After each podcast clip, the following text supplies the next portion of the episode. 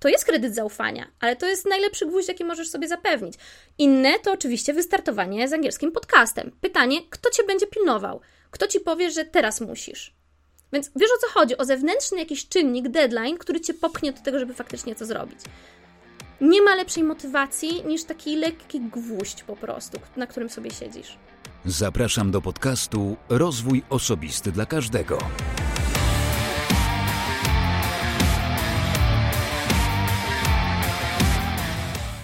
Cześć, ja nazywam się Wojtek Struzik, a Ty będziesz słuchał właśnie 121 odcinka podcastu Rozwój Osobisty dla Każdego, który nagrywam dla wszystkich zainteresowanych świadomym i efektywnym rozwojem osobistym.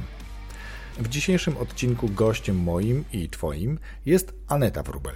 Ale zanim opowiem o czym rozmawiałem z Anetą, to przypomnę, że w odcinku 120 to był odcinek solowy. Ja mówiłem o komunikacji. Więc jeśli nie słuchałeś lub nie widziałeś tego odcinka, to serdecznie Cię do tego namawiam teraz.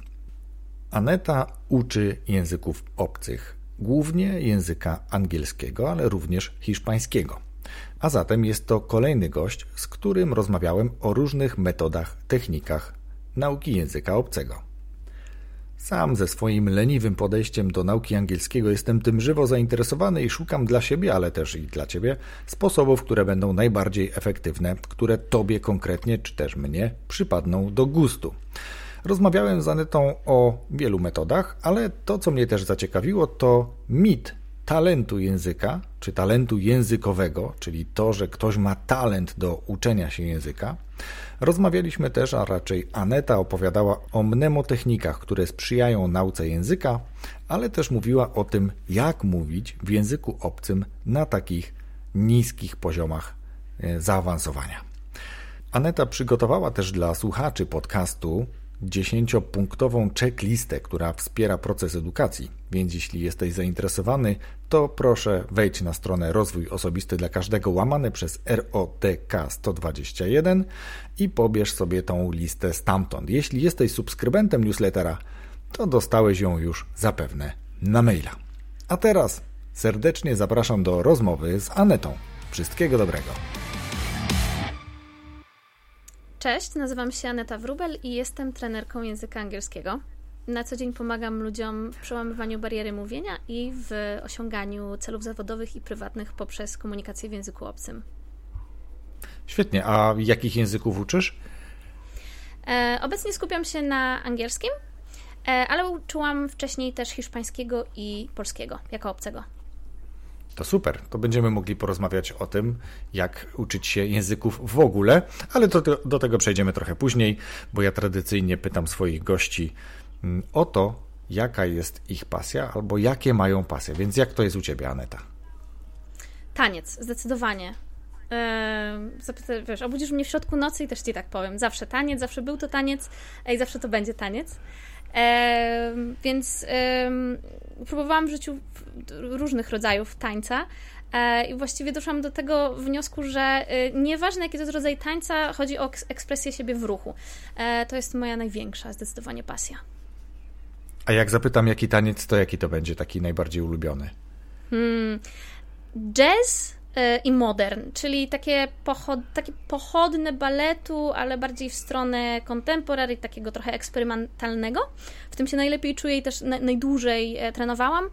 E, obecnie się przerzuciłam na hip-hop i strasznie się nim jaram, ale jeszcze nie zdążyłam się nauczyć wiele, więc, więc nie mogę powiedzieć, że to mój ulubiony styl. Ale fajnie się tańczy. No super.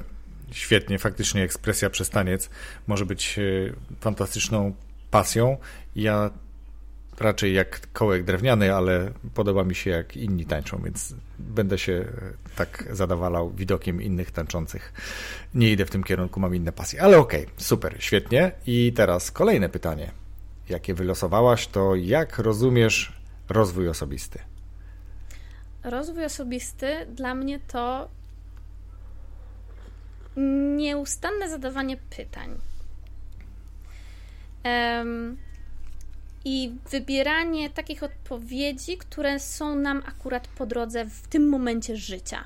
czyli samemu kreowanie własnej rzeczywistości i tego, w którą stronę my chcemy podążać, czyli na podstawie odpowiedzi, które słyszymy, e, my słyszymy, co nas bardziej woła w danym momencie i w tamtą stronę idziemy. I tak, tak jest, e, tak, tak się wydarzył mój rozwój osobisty, tak się wydarza do tej pory i e, zawsze mnie prowadził w dobrą stronę. Mhm. A jakie pytania sobie zadajesz? Jak wyglądał Twój rozwój osobisty? Poopowiadaj. E, chodzi Ci o rozwój zawodowy, czy e, nie no, osobisty? No przepraszam, osobisty, oczywiście, że tak. Wiesz co, to jest bardzo często i zresztą wielu gości mówi o tym, że to jest y, niemalże nierozerwalne, no bo tak. generalnie musimy coś robić, czyli pracować, czyli rozwijać się również zawodowo, czy to jest praca na etacie, czy jest to własny biznes, jakikolwiek by on nie był, to rozwijamy się zawodowo. No tutaj raczej można powiedzieć, że rozwijamy się osobiście, żeby rozwinąć się zawodowo, ale jedno z drugim mi się bardzo mocno przeplata i tak też potwierdzają goście. Więc jak wyglądał Twój rozwój? O, tak powiedzmy, mhm, Aneto. Jasne. Mm, Wiesz co, no taki edukacyjny to taki standard, że tak powiem, tak. E, ale taki prawdziwy rozwój zaczął się około 26 roku życia, kiedy to zatrudniłam się e, w wielkiej korporacji i zaczęłam chodzić na warsztaty teatralne, na które zawsze, zawsze chciałam pójść, e, zawsze mnie ciągnęło do teatru. I tam się zaczął rozwój trochę tak niespodziewanie, dlatego że zdałam sobie sprawę, że ja wchodzę w jakieś role, na scenie i zaczęło mnie to zastanawiać, dlaczego tak jest, dlaczego to akurat te role. I wybrałam się do psychoterapeuty. Stwierdziłam, że chciałabym, żeby ktoś mi odpowiedział na te pytania. Sama chciałam e, poznać, e, e, dowiedzieć się wielu rzeczy o sobie. I to był taki wierzchołek góry lodowej. I okazało się, że ta góra jest ogromna. I jakby jestem cały czas w procesie, w procesie jakby odławiania tych, tych ułamków lodu. I łapania coraz to, coraz to nowszych różnych wiadomości na temat samej siebie i, i świata też otaczającego mnie. No i tak się potoczyło. Przeprowadziłam się e, do Hiszpanii, na Wyspy Kanaryjskie, gdzie obecnie mieszkam. Założyłam własną firmę. I to, co mówisz, że rozwój osobisty i biznesowy są nierozerwalne, to, to całkowicie się z tym zgadzam, dlatego że ja czuję, że to, jak ja poznałam siebie, zaczęłam akceptować y, też różne moje jakby, cechy, na przykład dużą wrażliwość i emocjonalność, która gdzieś tam zawsze myślałam, że jest wadą. Okazało się, że, że mogę, mogę na, na, fajnej energii pojechać i dużo osób mi podziękuje za taką energię i, i dzięki temu też e, jestem people smart, jak to mówią, czyli e, tam, te, te różne rodzaje inteligencji i ja przez to E, że lubię rozmawiać z ludźmi, że czuję ludzi, e, zaczęłam taką pracę. Um, I czuję, że to rośnie, że to jakby jest nie. Im, im, bardziej siebie znam, tym, tym lepiej mi się pracuje i lepiej jestem w stanie też e, siebie pokierować biznesowo, ale też życiowo. Mhm. Hiszpania to Erasmus, czy skąd no, się tam Na początku był Erasmus. Tak, na początku był Erasmus, potem wróciłam do Polski. A w końcu się wydarzyło tak, że y, pojechałam na wakacje. Y, poznałam, I już nie wróciłam. Y, I już nie wróciłam. Nie no, wróciłam, wróciłam. wróciłam, złożyłam wypowiedzenie w pracy i, i, i, przyjechałam z powrotem na Kanary. No mieszkam tu już ponad 3 lata i to była bardzo dobra decyzja. Jaka pogoda dzisiaj tam u Ciebie? Pogoda jest słoneczna. Jest 20, są 24 stopnie nie ma ani jednej chmury, co uwaga, nie jest standardem, bo mieszkam na północy y, Gran Canaria, to jest y, Las Palmas de Gran Canaria, to jest stolica wyspy i to nie jest, y, to nie jest tak, że tu zawsze świeci słońce, bo bardzo często są tu chmury, bardzo często wieje silny wiatr od oceanu, ale akurat ten ostatni tydzień nas strasznie rozpieścił i mm, plażowa pogoda po prostu 7 dni w tygodniu. Pocieszę cię, bo inaczej, no ty pocieszasz nas być może bardziej, bo wczoraj było też pięknie w Polsce, chyba w całej Polsce piękne słońce i piękna, ciepła pogoda. Dzisiaj już 3 stopnie i z powrotem przypominamy sobie, że to jest jednak jeszcze cały czas kwiecień, plecień, poprzeplata trochę zimy, trochę lata, no ale cóż, za chwilę będzie już naprawdę pełna wiosna i ciepło, więc będziemy się cieszyć. Albo ci, którym będzie za ciepło, będą marudzić, bo my generalnie mamy to we krwi, że albo jest za zimno, albo jest za ciepło, nie jest, nigdy nie jest w sam raz.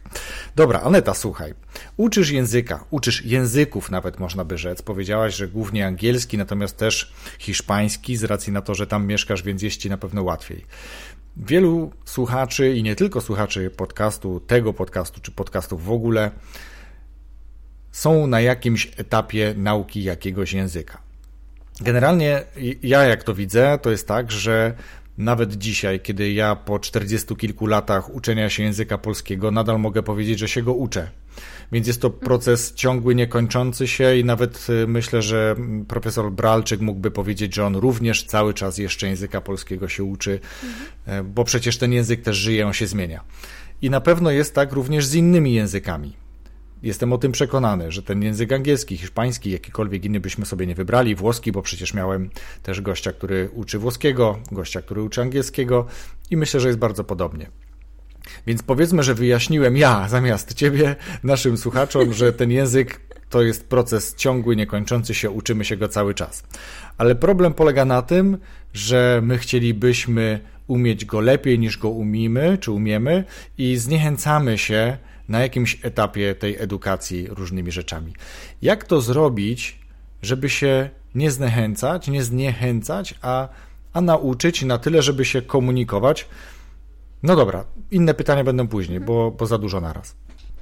Więc tak, e, po pierwsze, e, amen tego, co powiedziałeś, że język ciągle ewoluuje i nie, proces nauki nigdy się nie kończy. Możesz go szlifować do kiedy chcesz. E, ja sama się często łapię, że e, jak da, no bo na co dzień się porozum, porozumiewam raczej po hiszpańsku i po angielsku i jak mi się zdarzy, że faktycznie długo nie gadam po polsku, to czuję trochę taką, ja to jest mój język ojczyzny, czuję takie pierwsze sekundy powiedzmy, ale też czuję takie właśnie, uff, zardzewiało troszkę, trzeba trochę, tak, to się tak mówiło, na pewno, mnóstwo jest takich memów w internecie, hashtag zapomniałem, jak to się mówi po polsku, nie? Jak człowiek dużo mówi w językach obcych, to, to, to mu się zapomina. Więc yy, ja pilnuję w ogóle swojego rozwoju językowego również w moim języku ojczystym. Ja się ostatnio złapałam na tym, że czytam wszystko po angielsku, po, po hiszpańsku i trochę mi uburzyje polski. Więc y, złapałam za książki polskie. Więc zdecydowanie to jest, nie jest pieczenie chleba, nie da się zrobić od zera do stu w dwie godziny. Co zrobić, żeby się nie zniechęcić? E, przede wszystkim mm, postawić sobie bardzo realistyczne cele, e, małe, osiągalne, najlepiej takie trzymiesięczne. Ja z moimi studentami pracuję w takich e, trzymiesięcznych, powiedzmy, przebiegach. I tego się trzymać. I to jest bardzo ważne, bo my sobie zakładamy wiele rzeczy, a potem przychodzi gorszy dzień albo zjazd motywacyjny, i wtedy mamy takie, no nie, no bez sensu. Więc warto sobie w takich chwilach sięgnąć do tych celów, które y, będziemy mieć gdzieś rozpisane i sobie y, powiedzieć, ok, to ja gdzie, gdzie jestem? Czy ja realizuję ten cel? Ok, dobra. Jakby to jest część procesu, to, to jest wszystko ok. Podam Ci taki przykład, że ja mówię moim studentom mniej więcej zawsze, ile potrwa taki proces. Żeby przejść od A1 do B1, czyli to jest taki niższy, średnio zaawansowany, czyli taka już, po, powiedziałabym, komunikatywność, nie? Dogadasz się na ulicy i tak dalej może nie pogadasz o fizyce kwantowej, ale na co dzień ci wystarczy taki język, to jest 400 godzin nauki.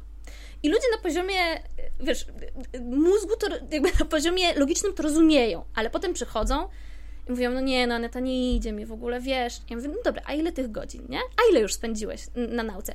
Więc takie, taki self-check tych, tego, co ustaliliśmy, jest bardzo ważny, żeby zrobić sobie taki właśnie reality check, że okej, okay, ja jestem w procesie, i w procesie zdarzają się gorsze dni, w procesie zdarzają się, zdarza się zwątpienie. To jest po pierwsze.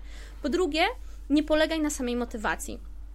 To mówię wszystkim moim studentom zawsze. Mówię, super, że jesteś zmotywowany, świetnie, bo motywacja cię popchnęła do tego, żeby w ogóle się ze mną spotkać, ale na motywację nie pojedziesz.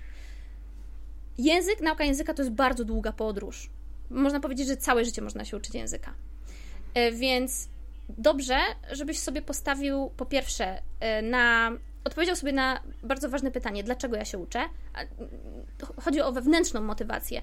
Nie tylko o to, że szef mi obiecał awans albo chce się wyprowadzić. Znaczy, chce się wyprowadzić, to akurat może być bardzo dobry powód, bo to jest wewnętrzna motywacja jakiejś zmiany w życiu. W sensie, co ci to robi, że będziesz mówił w e, obcym języku, co, co ci to da do, do Twojego życia, co wzbogaci. I taka gwiazda polarna, jaką jest właśnie taki cel Twój wewnętrzny, taki samorozwojowy, też super działa w chwilach zwątpienia. E, trzecia rzecz to trzeba wiedzieć, że proces jest raz wolniejszy, raz szybszy. I to jest normalne. Więc warto sobie ustalić taką rutynę. Po pierwsze, w ogóle ustalanie rutyny w nauce to jest całkowity, całkowity jakby baza baz, podstawa podstaw. I jak sobie już ustalimy taką bazę, czyli chciałbym się uczyć pół godziny dziennie, ale jak będę miał gorszy dzień, to niech, będą to, niech będzie to 10 minut. Chodzi o to, żeby kula się toczyła, nie o to, żeby, żeby wiesz, leciała z prędkością światła zawsze. No i warto mieć kogoś przy sobie. Ja jestem mm, wielką fanką w ogóle takich towarzyszy w podróży językowej. To może być twój trener, nauczyciel, kolega z kursu, kolega z pracy nawet. Chodzi o to, żeby nie być w tym wszystkim samemu, bo przychodzą, przychodzą gorsze dni, powątpiewanie i fajnie jest mieć kogoś, kto ci poklepie po ramieniu i powie no, odpuść sobie dzisiaj, albo nie, jeszcze dasz radę. Po prostu, żeby nie być w tym samemu, bo samemu o wiele łatwiej się zniechęcić i faktycznie tym wszystkim rzucić. Wiesz co, to wszystko jest y, bardzo ładne, to co powiedziałaś i z pewnością u wielu działa.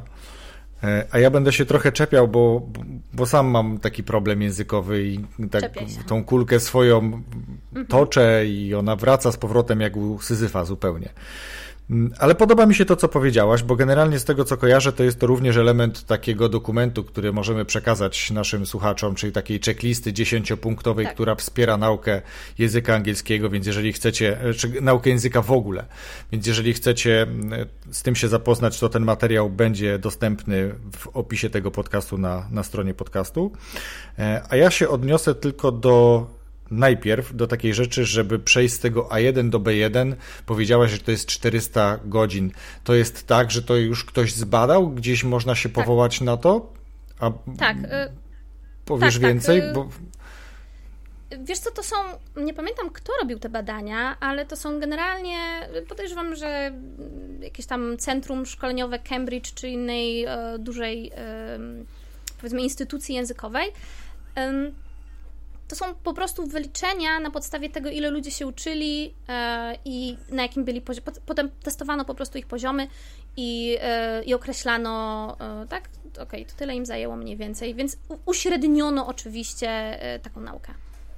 Pytam dlatego, że też bardzo często się przytacza, żeby być ekspertem, czy mówić o sobie w roli eksperta, to trzeba przepracować, czy mieć doświadczenie 10 tysięcy godzin.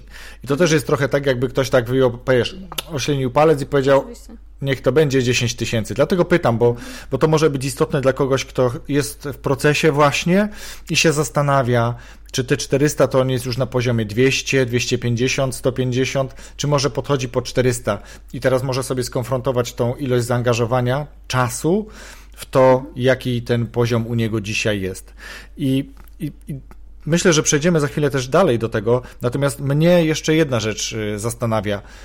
My, mówię my, naród, my, Polacy, jak to zabrzmiało, ja wiem, ale my mamy taką tendencję do tego, że my się jednak trochę krępujemy my się jednak boimy oceny. I tutaj chcę zapytać o to, w jaki sposób znaleźć osobę, która będzie, chyba że źle zrozumiałem, bo może to nie chodzi o takiego przyjaciela, partnera, który będzie ci mówił, dobra, dzisiaj odpuść sobie, albo dobra, dzisiaj jeszcze te 10 minut, ale niekoniecznie to będzie ta osoba, która będzie z tobą rozmawiała w danym języku.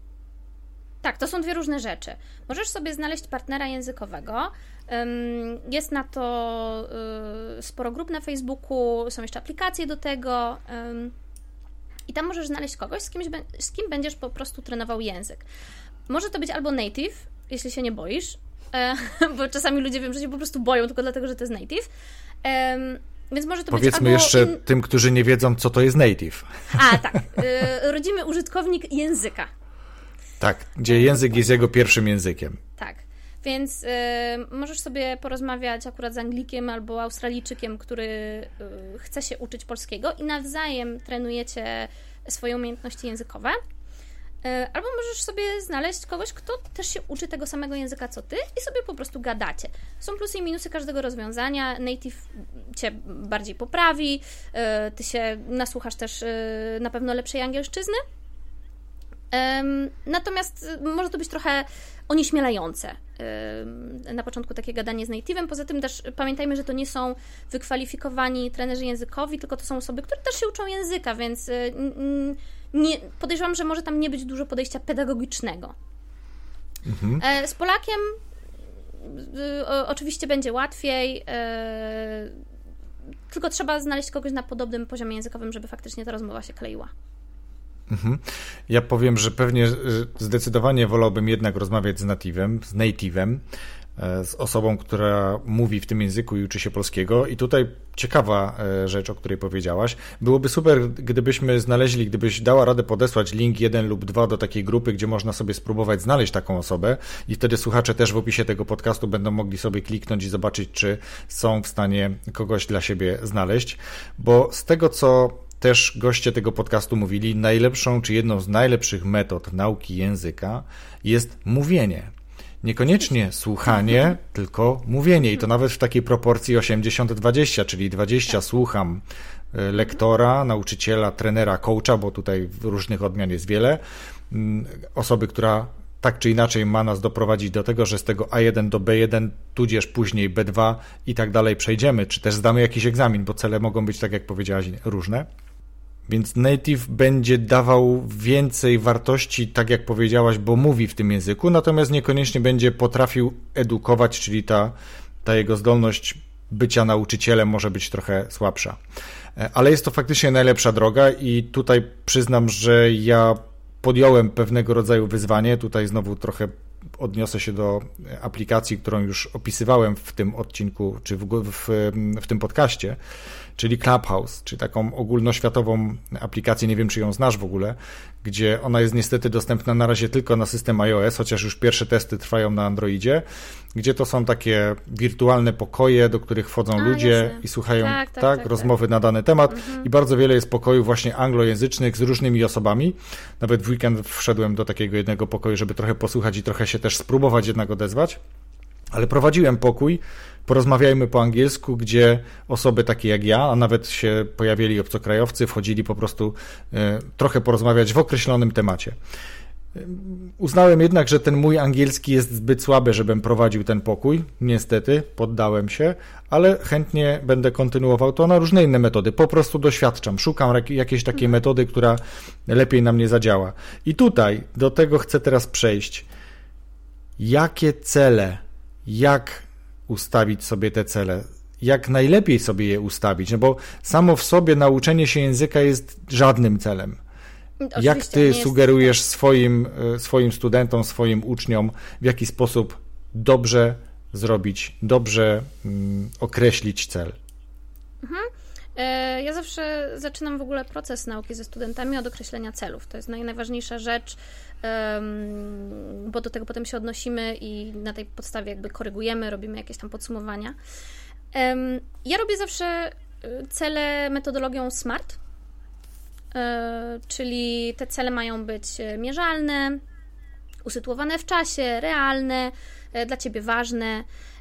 I po kolei po prostu przechodzimy przez te wszystkie literki SMART i odpowiadamy na te pytania.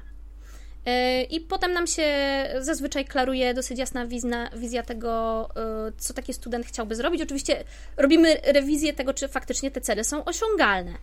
Bo jeśli ktoś mi mówi, że w dwa tygodnie albo w dwa miesiące chce przejść od początkującego do zaawansowanego, no to oczywiście nie są e, one realne. Ale takie cele właśnie mierzalne jak na wakacjach ogarnę sobie wszystkie technikalia to to jest mierzalny cel.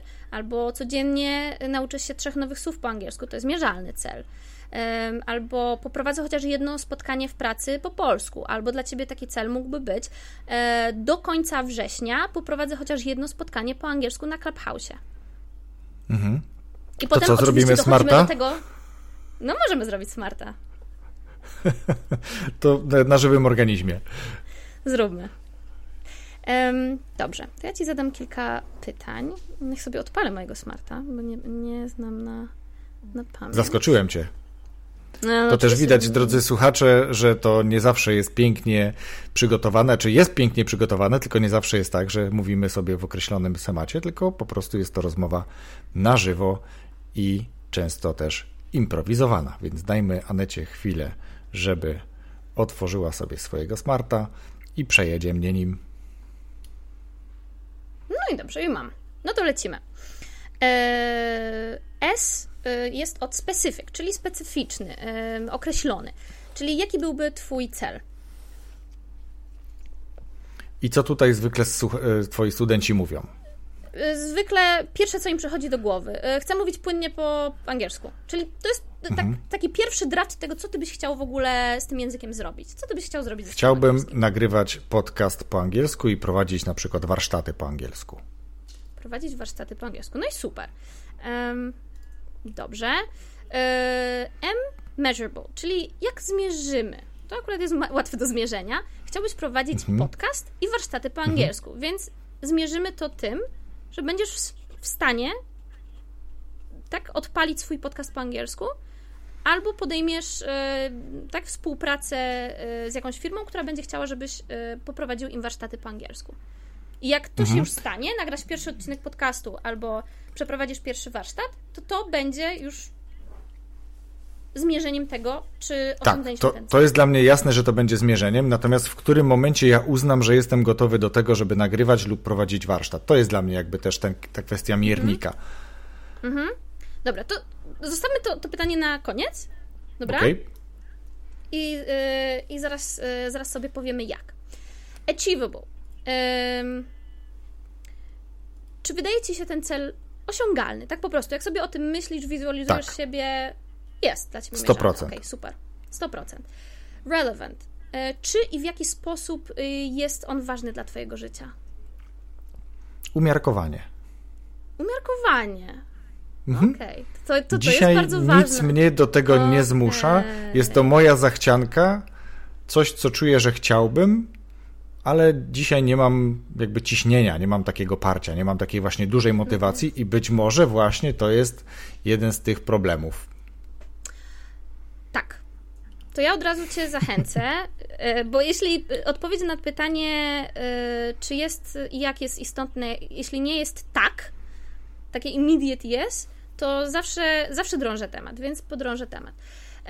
Tobie bym zaproponowała mm, metodę na gwoździa, czyli e, ustal sobie jakiś deadline pozytywny i wtedy zacznij naukę.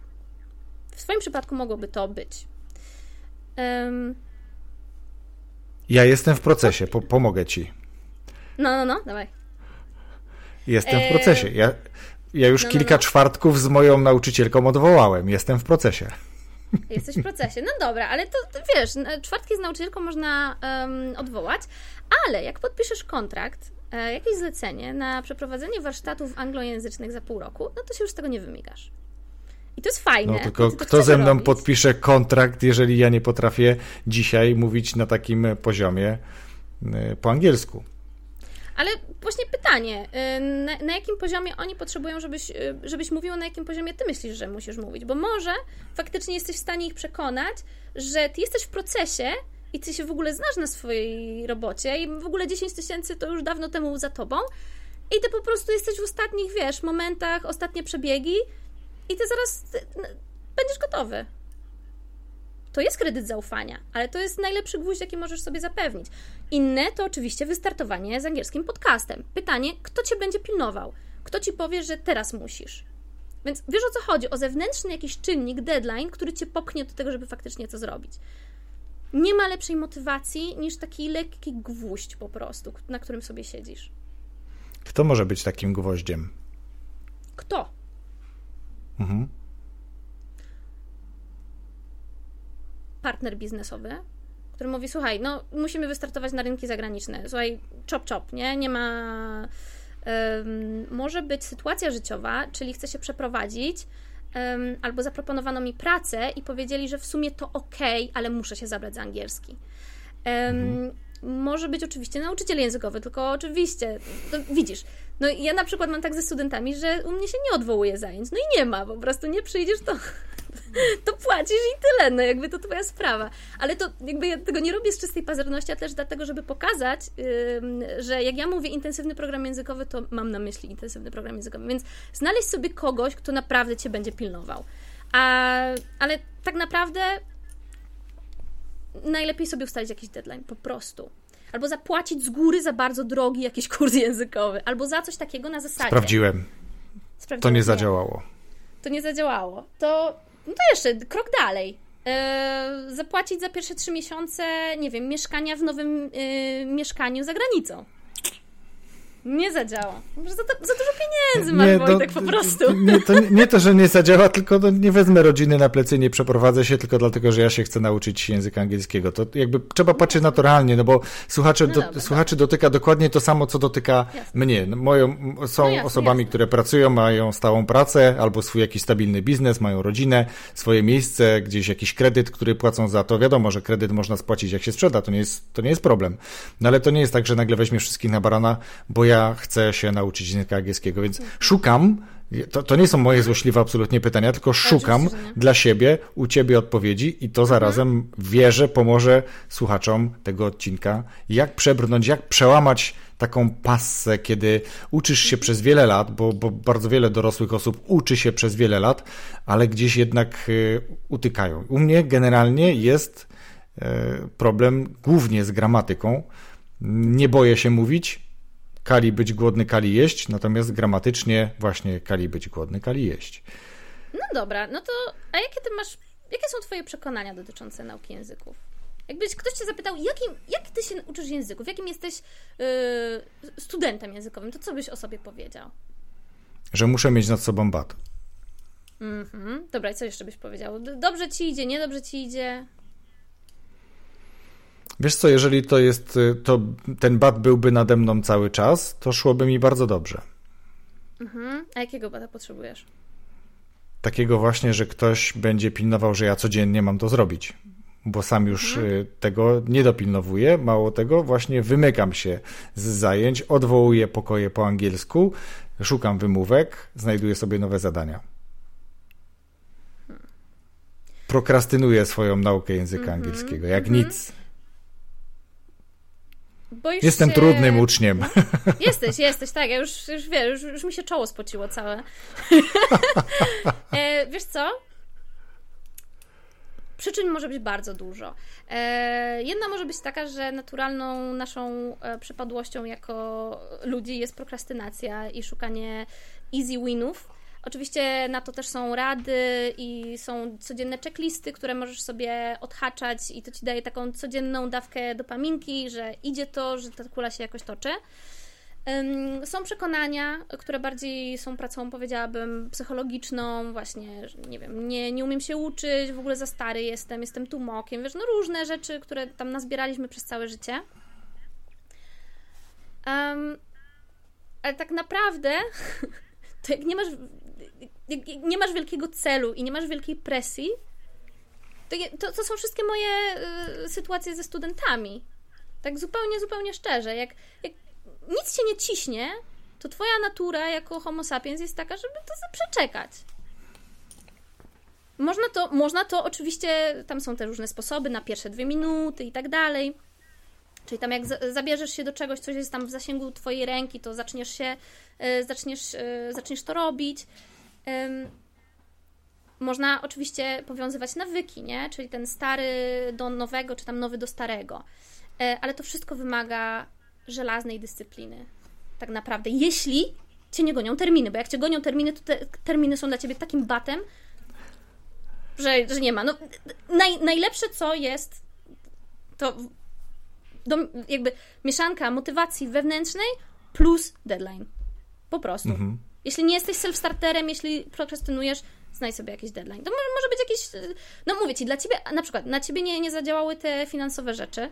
E, ale mam wielu studentów, którzy, którzy też sami mi mówią, że nie, ja muszę poczuć po portfelu, że mi Wiesz co, to, to, to, nawet, to nawet nie tak, że wiesz, bo tu wyjdzie, że jestem nie wiadomo jak beztroski. Nie, ja zapłaciłem po prostu za kurs z góry faktycznie e, w pewnej firmie, dużej firmie sieciowej, gdzie też po powiedziałem, pani, która oferowała mi ten kurs, powiedziała, że tak, tak, ja mówię, że ja potrzebuję, ja mam świadomość tego, potrzebuję kogoś, kto będzie stał nade mną, jeżeli nie przyjadę na zajęcia albo nie odbędą się zajęcia online, to jakiś przypominacz, telefon, SMS, cokolwiek musi się zadziać. No i tego mi brakło, nie? Więc jakby doszedłem do jakiegoś, już byłem bardzo blisko mm, ukończenia tego kursu. Mm, może to jest też tak, że mam ten poziom taki komunikatywny, że ja się dogadam, natomiast to dogadanie jest takie właśnie, że nie mam pewności, czy mówię teraz w takim, a nie innym czasie, czy mówię dokładnie tak, jak chciałbym powiedzieć, czy po prostu mówię i ten ktoś mnie rozumie i to też jest ok. I to niestety dlatego, że jest ok, no to powoduje, że być może nie mam tego dużego parcia, dużej takiej motywacji i być może faktycznie przyjdzie taka chwila, kiedy ktoś powie, no okej, okay, ale musisz zrobić to czy tamto, ten twój mhm. poziom musi być tak. wyższy i masz na to trzy miesiące, pół roku tak. i pewnie tak. Dlatego zostawmy na razie e, mnie i, i, i moją, e, mój, moją przypadłość, mój problem z moją nauką języka, ja go sobie przepracuję. Już teraz kilka takich pomysłów tutaj tak, ja bardzo w to wierzę, wiesz? To też jest kolejny problem. Ja bardzo wierzę, że nie jestem sam, dlatego ciekaw jestem też, jak słuchacze e, odnajdują siebie ze swoją nauką, jakie oni mają trudności. Jeśli macie takowe, to będzie super, jak do mnie napiszecie, zobaczymy, czy będziemy w stanie tutaj z Anetą Wam pomóc. Mm, ale ja myślę, że tak. Po pierwsze, ten, ten załącznik od Ciebie, on jest dosyć ciekawy i można go sobie przepracować. Te checklisty, czy też jakieś takie okienko czasowe, gdzie teraz właśnie poświęcę 5 minut na, na jakąś aplikację, która nauczy mnie nowych słówek czy cokolwiek takiego. Ale zostawmy to, tak jak powiedziałem. Przejdźmy sobie, bo zaciekawiłaś mnie takimi trzema punktami, które, które sobie gdzieś tutaj odbijaliśmy mailowo. E, chciałem porozmawiać chwilę o mitach e, talentu językowego, bo to jest też faktycznie tak, że często mówimy, że ktoś ma talent do języka. Komuś idzie łatwiej, ktoś ma ładniejszą wymowę, ładniejszy akcent więc jak to jest z tymi talentami, jeśli chodzi o kwestię języka? Mhm, to też e, zbadano, bo mm, skąd się ten mit wziął, nie wiem skąd, ale ktoś w końcu wziął i to przebadał. Pewnie był tak samo sfrustrowany tym jak ja. No i wyszło, że jest coś takiego jak talent. No wiadomo, że talenty są, ludzie są utalentowani. Natomiast talent odpowiada za mniej więcej, uwaga, 15% rezultatu. No i to jest dobra wiadomość i zła wiadomość, bo jeśli zastanawiasz się, czy dasz się radę nauczyć języka, no to to 85% ci mówi, mhm, dasz radę. A jeśli szukasz wymówki, no to niestety jest to dla ciebie zła wiadomość, bo prawda jest taka, że czasami nieświadomie używamy takich rzeczy jako wymówki. Jako, ja się nie będę za to zabierał, bo jestem za stara, bo weź, nie, ja nie mam talentu do języków, ja to nie umiem się uczyć.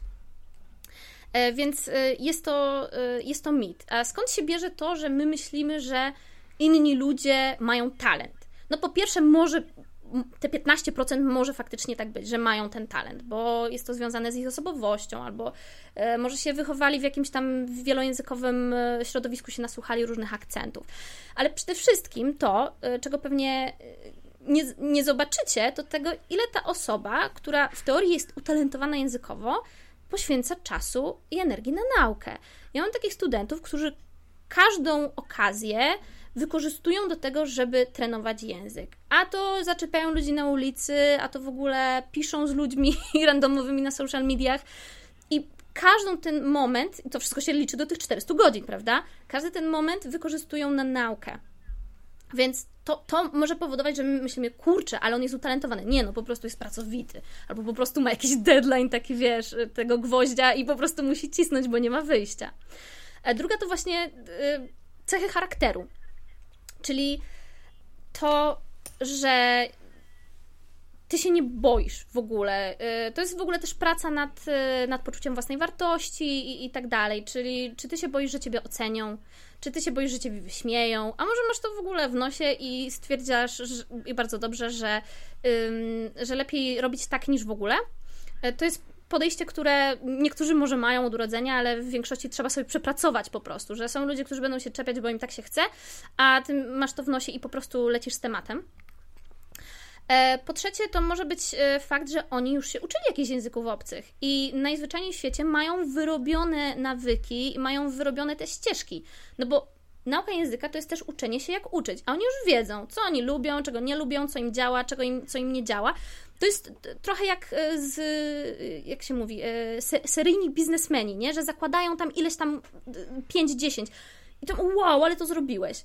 No, no, jak się już założysz trzy, no to czwarty podejrzewam, że ci będzie szedł lepiej, bo chociaż to wcześniej był sklep z butami, a teraz jesteś e, coachem e, fitness, no to jakieś tam podstawy będą takie same, więc to, więc to jest to. I ostatnia rzecz, której chciałam powiedzieć, a która mi się chyba zapomniała. Poczekaj. Miałam... Chłonność mózgu. Chłonność mózgu, widzisz? chłonność mózgu. I to uwaga nie ma nic wspólnego z Twoim wiekiem.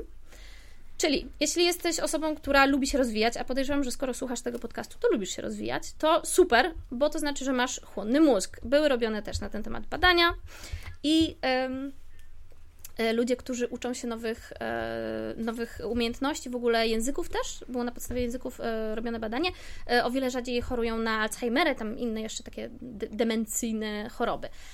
Więc jeśli, jeśli ty się uczysz w ogóle cały czas nowych rzeczy, masz jakieś tam swoje zajawki, to będzie ci szło na pewno lepiej niż ktoś, kto się w ogóle nie rozwija i nagle stwierdza, o kurczę, muszę się nauczyć angielskiego. Więc to, stąd może też wynikać to, że to mi się wydaje, że to jest osoba utalentowana. Nie, on, ta osoba po prostu lubi się uczyć.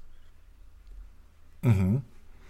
I tutaj znowu mi się kilka takich rzeczy pojawiło, które sobie gdzieś w międzyczasie zanotowałem, bo faktycznie jest tak, że ja na przykład obserwuję tam kilka osób, nie wiem, w różnych mediach społecznościowych i mam też taką znajomą, którą widzę w jej relacjach. Oczywiście to jest znowu coś, co ktoś pokazuje, bo całej reszty nie pokazujemy, ale to, co pokazuje, mnie niesamowicie motywuje i tylko musi przeskoczyć u mnie takie trybko, żebym też spróbował wejść w taki nawyk i ta osoba mm, codziennie e, trenuje rano, robi sobie takie proste ćwiczenia z jogi, rozciąga się, ale też codziennie uczy się języka, tu w tym wypadku niemieckiego, więc jakby podglądając to, no można się też motywować, tak? To jest też taka rzecz, która mhm.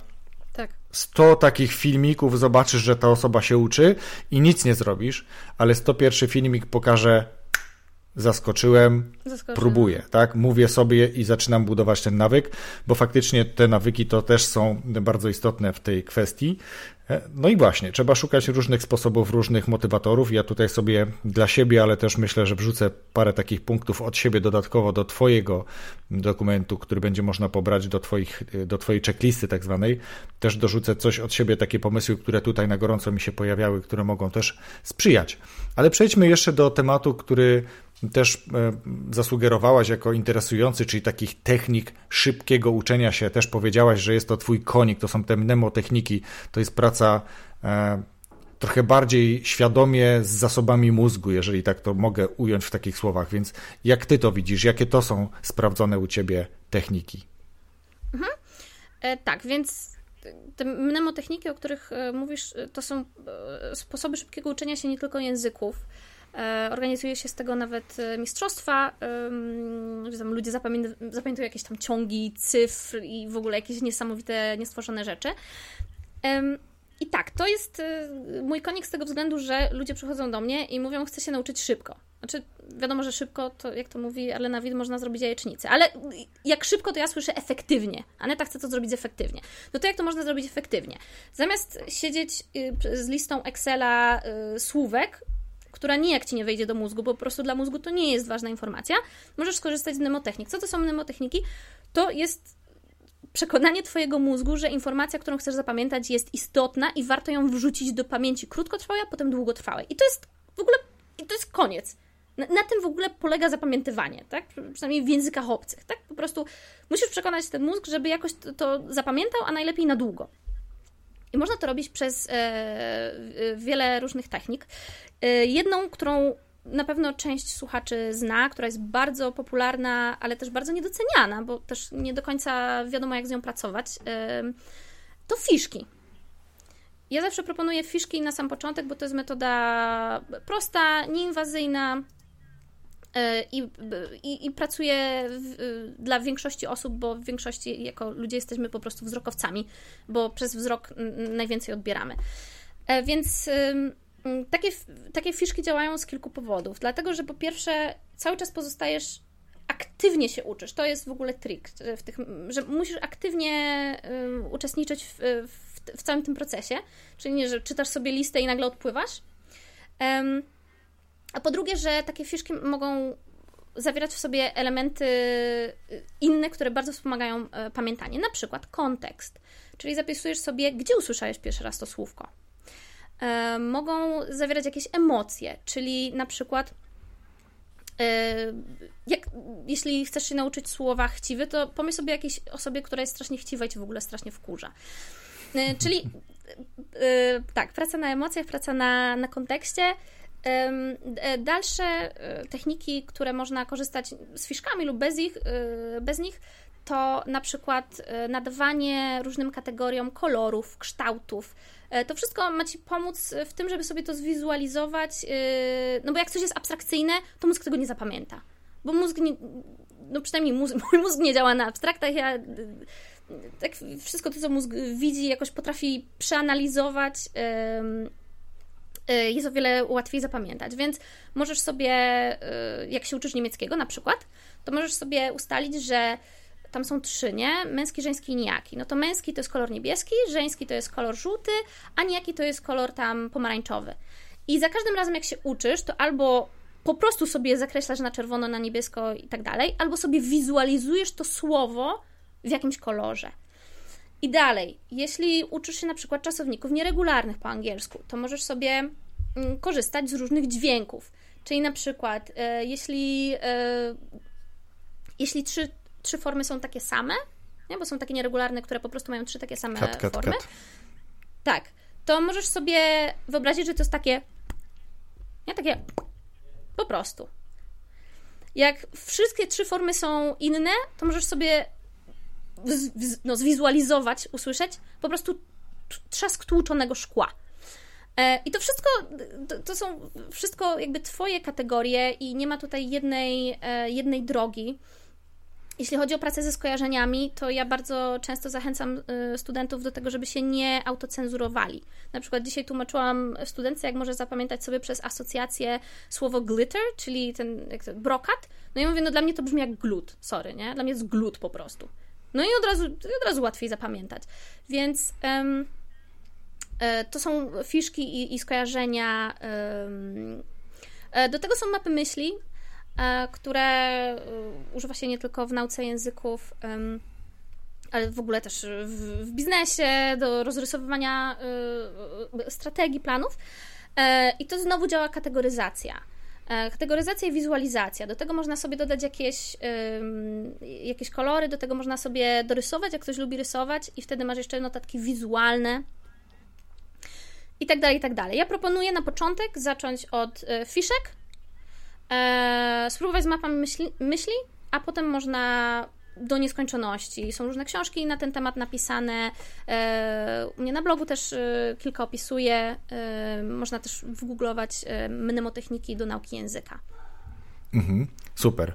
To przejdźmy jeszcze, zanim zadam Ci jeszcze kilka pytań, do trzeciej rzeczy, o, którą, o której rozmawialiśmy na początku. Znaczy, mówiliśmy, że to będą trzy rzeczy. Mówiliśmy już o mitach talentu, mówiliśmy teraz przed chwilą, Ty opowiadałaś o technikach szybkiego uczenia się języka.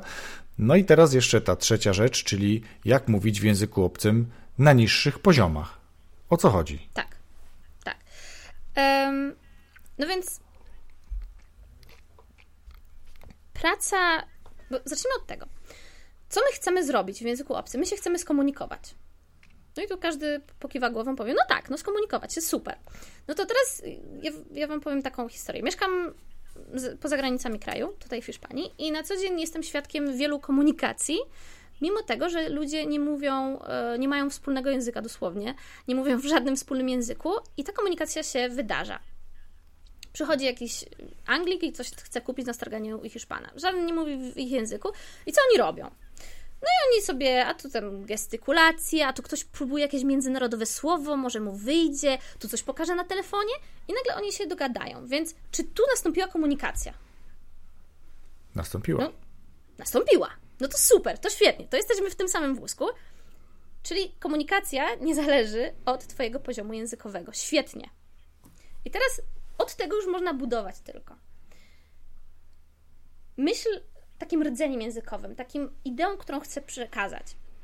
Generalna zasada jest taka, że im, większy im większe szczegóły ma Twój komunikat, tym wyższy jest poziom językowy. Więc może nie powiesz, że e, schody miały granatowo-niebieski połysk lśniły, ale możesz powiedzieć, że e, schody były ładne. Rozumiesz? I to jest komunikat, i to jest komunikat. I tutaj następuje trochę takie, taki dosyć, e, powiedziałabym, łamiący ego e, proces tego, że porozumieć się można na różne sposoby, ale nie zawsze tak, jak my sobie to w głowie wydumamy, że my byśmy chcieli już być tacy elokwentni w ogóle. Po pierwsze, to zajmuje czas. Po prostu. Po drugie, pytanie, czy ty chcesz być taki elokwentny? Może tobie wystarczy się dogadać, może właśnie to ego ci podpowiada, że mm, bo kolega tutaj mówi tak świetnie, a czy tobie to jest potrzebne? Ja też to często weryfikuję y, z, z moimi studentami. A, a tak naprawdę to, co ty byś chciał robić w tym języku? On mówi, no nie do dogadać na ulicy. No, Szekspirem nie musisz mówić. Więc myśleć ideą, którą chcesz przekazać, myśleć trochę o tym, co ja bym powiedział pięciolatkowi. Schody są ładne, super. Umiem powiedzieć coś więcej? Świetnie. To, na to zawsze przyjdzie czas. To jest nadbudowa językowa, to są kolejne poziomy językowe. Ale pod, pod, na podstawy możesz od, od samego początku. Więc to jest po pierwsze. E, po drugie, trzeba po prostu mówić. Bo jeśli ktoś nam kiedyś powiedział, że mówi się od któregoś poziomu i my nie będziemy mówić do tego poziomu, to będzie nam się niezmiernie ciężko przełamać. Więc co możemy robić? Mówić do siebie. Najprostsza rzecz. Umiesz powiedzieć, e, że it's raining today, czy tam, nie wiem, jestem zmęczony? Super, to powiedz to. Przełamuj się, zobacz, że komunikaty możesz robić na, e, na dużo prostych sposobów. I taka trzecia rzecz, o której. Y, też. O, właśnie. Żeby nie tłumaczyć z polskiego, ja wiem, że to jest. że to strasznie kusi w ogóle, żeby sobie przetłumaczyć w ogóle w głowie. Nie. E, jak można nie tłumaczyć z polskiego? E, po pierwsze, myśląc obrazami bardziej niż słowami. A po drugie, osłuchując się z językiem. Te 20%, o których e, powiedziałeś, to głównie temu służy tak naprawdę. Po pierwsze, żeby zrozumieć różne akcenty ludzi, którzy do nas mówią Mm, różne tempa mówienia, nie każdy mówi wyraźnie, ale też po to, żeby zrozumieć, że mówisz w innym języku, a nie tłumaczysz z polskiego. Czyli jak najwięcej wprowadzać, e, jak najmniej robić języka rodzimego. Oczywiście na samym początku to będzie trudne, ale im dalej w, w, w procesie nauki, tym mniej używaj angielskiego. Korzystaj ze słowników y, jedno, y, mono, monojęzykowych, tak? czyli angielsko-angielskich. I ostatnia taka rzecz to pogódź, to też jest łamiące trochę go, ale pogódź się z faktem, że błędy są naturalne i nie unikniesz ich, jakby nie pójdziesz od razu, e, po prostu nie polecisz, e, wiesz, bry, brytyjskiej królowej akcentem i to, to też się musi wydarzyć, ale że to też jest e, komunikacja i lepiej tak, niż w ogóle. Mhm. Super. Y, I to, co mnie się też bardzo podoba w tym, jak mówisz, to strasznie się tym, e, albo inaczej, poprawnie bardziej powiem po polsku, bo przecież uczymy się cały czas języka. Bardzo się tym emocjonujesz i to widać. Widać, że język jest Twoją wielką pasją. Uczenie i dzielenie się tym jest Twoją wielką pasją. Również nie tylko sam taniec, bo tak jak powiedziałem, to słychać. Ja jeszcze dodatkowo widzę, słuchacze już tylko słyszą, e, kiedy ta energia w tych wypowiedziach jest i to jest, i to jest super. I to właśnie też e, dobrze wzmacnia i już sobie wyobrażam tych Twoich studentów, którzy tam jak im się nie chce, to dostają po uszach, a jak im wychodzi, to jest po prostu super i tam wybuchają jakieś petardy. E, ale wiesz co, jeszcze chciałem Cię zapytać o kilka rzeczy. Jedną z nich, zanim przejdę do rutynowych pytań, które zawsze zadaję swoim gościom pod koniec rozmowy, to chciałem Ciebie zapytać, bo mówiłaś o fiszkach, to jest jakby cała jest zestaw bogaty w wybór fiszek drukowanych, aplikacji i ja właśnie chciałem zapytać bardziej o aplikacje, nie tylko fiszkowe, ale czy masz jakiś zestaw aplikacji, które polecasz, albo na przykład masz gdzieś spisane i teraz możesz powiedzieć, że takie są aplikacje ta, ta, ta i ta są darmowe i świetnie się sprawdzają na, na każdym poziomie, można sobie odświeżać, można albo same słówka, albo całe zdania i tak dalej. Co to by było? Ciekaw jestem bardzo. Więc taką listę można w ogóle e, pobrać u mnie przy zapisie na newsletter. Dokładnie to, czyli lista darmowych materiałów do nauki angielskiego. więc to mogę podlinkować, jeśli chcesz. A e, tak z głowy, no to na pewno fiszkowe to Quizlet. Najbardziej popularna, najprostsza aplikacja do robienia fiszek. E, zwłaszcza jeśli używasz jej. O, dokładnie, widzę, dokładnie. Masz tutaj sobie. Zwłaszcza jeśli używasz jej mądrze też kiedyś na blogu pisałam e, o. Zrobiłam cały tutorial. I to jest e, absolutnie wszystko, co chciałbyś wiedzieć na temat tworzenia fiszek.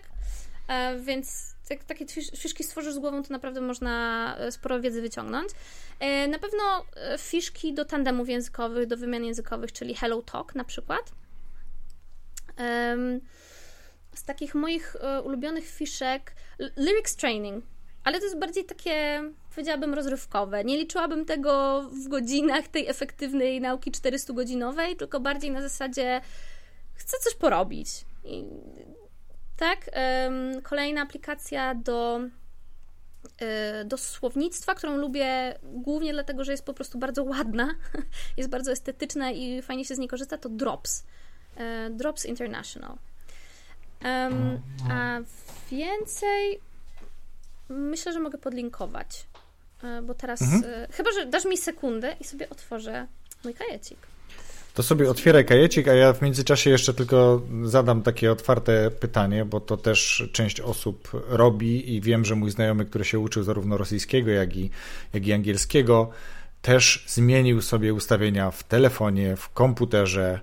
E, nie słuchał już jakby polskich e, youtuberów, nazwijmy to, tylko raczej oglądał filmiki. Jeśli szukał instrukcji dotyczących aparatu fotograficznego czy jakiegokolwiek innego urządzenia, to szukał ich właśnie w języku, którego się w danym momencie uczył. Czy to też poleciłabyś jako jedną z takich metod, którego, które mogą uzupełnić ten proces edukacji? Zdecydowanie. W ogóle prze, przeskoczenie na, na anglojęzyczny, tam, czy to system, czy telefon, e, social media to w ogóle dużo daje, bo te, no, jak to się mówi, te algorytmy potem wychwytują, że ty, jakby, że ty jesteś anglojęzyczny i ci pokazują więcej treści. Więc naturalnie wtedy pokazuje ci się więcej. Jak jesteś na Instagramie na przykład, no to możesz sobie w ogóle polajkować jakichś tam anglojęzycznych Instagramerów. Ale tak, zdecydowanie, w ogóle otaczanie się językiem i takie robienie z tego codzienności. To też tak oswaja bardzo język że no to tu mam mhm. to, tu tak, tu sobie posłucham podcastu. Tak, że po prostu, że, że, to jest część Twojego życia. Bardziej niż siadam o godzinie 15 i otwieram książkę. To tak, zdecydowanie. I to jest tak, tak, tak, tak, tak zwane metody nauki przy okazji. To też bardzo, bardzo lubiane, no bo każdy lubi przy okazji coś zrobić. coś dobrego. Dobra, to jak tam mamy już kajecik, możemy tam dopowiedzieć te aplikacje? Mamy kajecik. Super. Mamy kajecik, już Ci mówię. Um, Memrise jest całkiem w porządku. Jeśli lubicie grywalizację, czyli to przechodzenie do kolejnych poziomów, tak jak to jest na Duolingo. Ja Duolingo nie, nie specjalnie lubię, ale jak to zwykle bywa, najpopularniejsza opcja nigdy nie jest najlepsza. Więc jeśli lubicie takie grywalizacje i sobie trochę poklikać, to też na pewno Memrise'a. Hello Talk już mówiłam e, o tym, żeby sobie popisać z ludźmi e, z całego świata. E, pen pals, czyli przyjaciele korespondencyjni też. Podcasty, oczywiście polecam aplikacje do podcastów.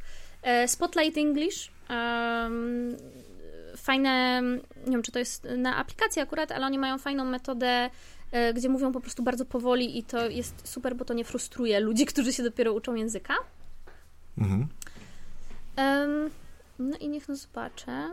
Um, I chyba tyle. Chyba tyle z takich nie, najbardziej y, polecanych przeze mnie aplikacji. Mhm. Super. To mamy polecane aplikacje, mamy cały zestaw y, ciekawych praktyk i tutaj kilka takich technik z techniką, mnemotechniką, techniką skojarzeniową y, włącznie. A ja teraz pytam Ciebie, tak jak pytam gości na koniec, jaką książkę albo jakie książki poleciłabyś słuchaczom podcastu Rozwój Osobisty dla każdego? Hmm. Um, tak rozwojowo, jeśli chodzi o rozwój osobisty, e, to na pewno Seven Habits of Highly Effective People. To jest po polsku chyba siedem nawyków skutecznego działania. To jest taki klasyk, mhm. który, mm, od którego ja właściwie też zaczęłam swoją podróż e, rozwojową. Mm, z takich bardziej psychologicznych tematów, y, z którymi ja jestem osobiście bardzo zainteresowana, to. Hmm. Chcę powiedzieć Eckhart Tolle, ale ostatnio ktoś u ciebie mówił w podcaście i się nie chce powtarzać. Y, ale wiesz, to o, są książki, które są, które są polecane przez kilku słuchaczy i to tylko jakby podnosi ich atrakcyjność, więc jak najbardziej możesz też e, tę książkę polecić. Tak, no to Eckhart Tolle i Potęga y, teraźniejszości, chyba to się tak nazywa po polsku. Tak, na pewno potęga bardzo, teraźniejszości. bardzo fajne. Potęga teraźniejszości.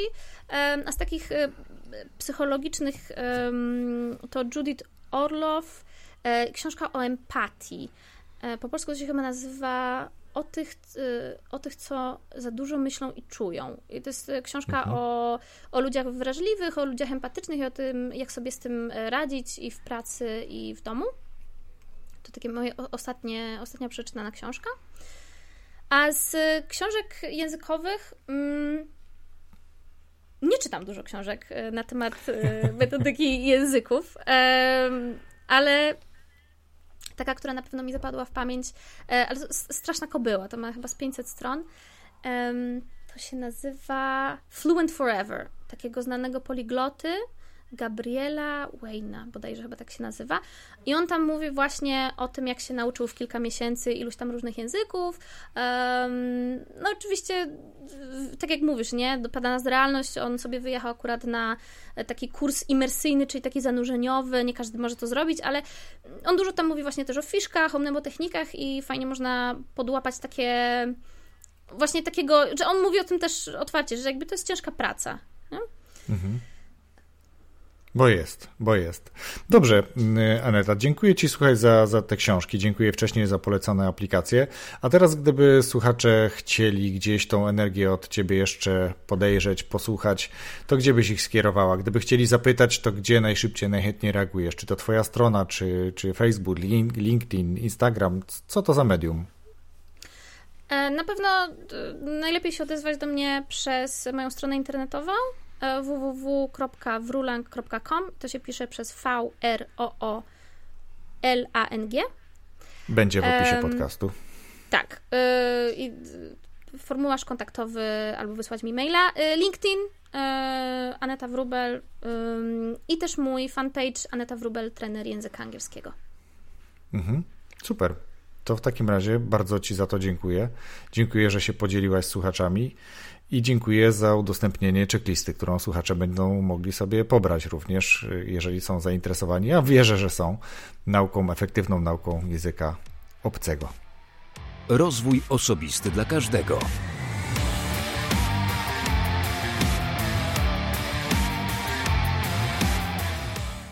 Dziękuję Ci za wysłuchanie całego tego odcinka. Ja zanotowałem sobie kilka takich ciekawych rzeczy, które będę chciał przetestować, czyli na przykład odnośnie checklist, które będą sprzyjały nauce języka, ale także o wyznaczonym czasie na naukę, bo tak jak mówiła też Paulina, która uczy włoskiego, ważne jest to, aby krótko, a często, a nie długo, a rzadko, jeśli chodzi o kwestię nauki języka właśnie. A zatem potwierdziła się ta reguła, więc myślę, że warto ją wziąć do serca i zastosować. Raz jeszcze dziękuję za wysłuchanie tego odcinka. Dziękuję także patronom podcastu, którzy dzielnie wspierają mnie, których ilość rośnie i to mnie niesamowicie cieszy, bo to jest olbrzymie zaufanie, jakim zostałem obdarzony przez tych wspaniałych ludzi. Lista wszystkich patronów jest dostępna w opisie każdego odcinka podcastu na dzień premiery podcastu a zatem jeśli i Ty chcesz wspierać podcast Rozwój Osobisty dla Każdego albo bajkowy podcast, który jest moim drugim projektem, to wejdź na stronę patronite.pl łamane przez RODK, a tak naprawdę patronite.pl łamane przez RODK i wybierz dogodny dla siebie próg wsparcia. Każde 5 zł jest na wagę złota. Bardzo Ci dziękuję raz jeszcze i wszystkiego dobrego. Za tydzień w piątek kolejny nowy odcinek podcastu.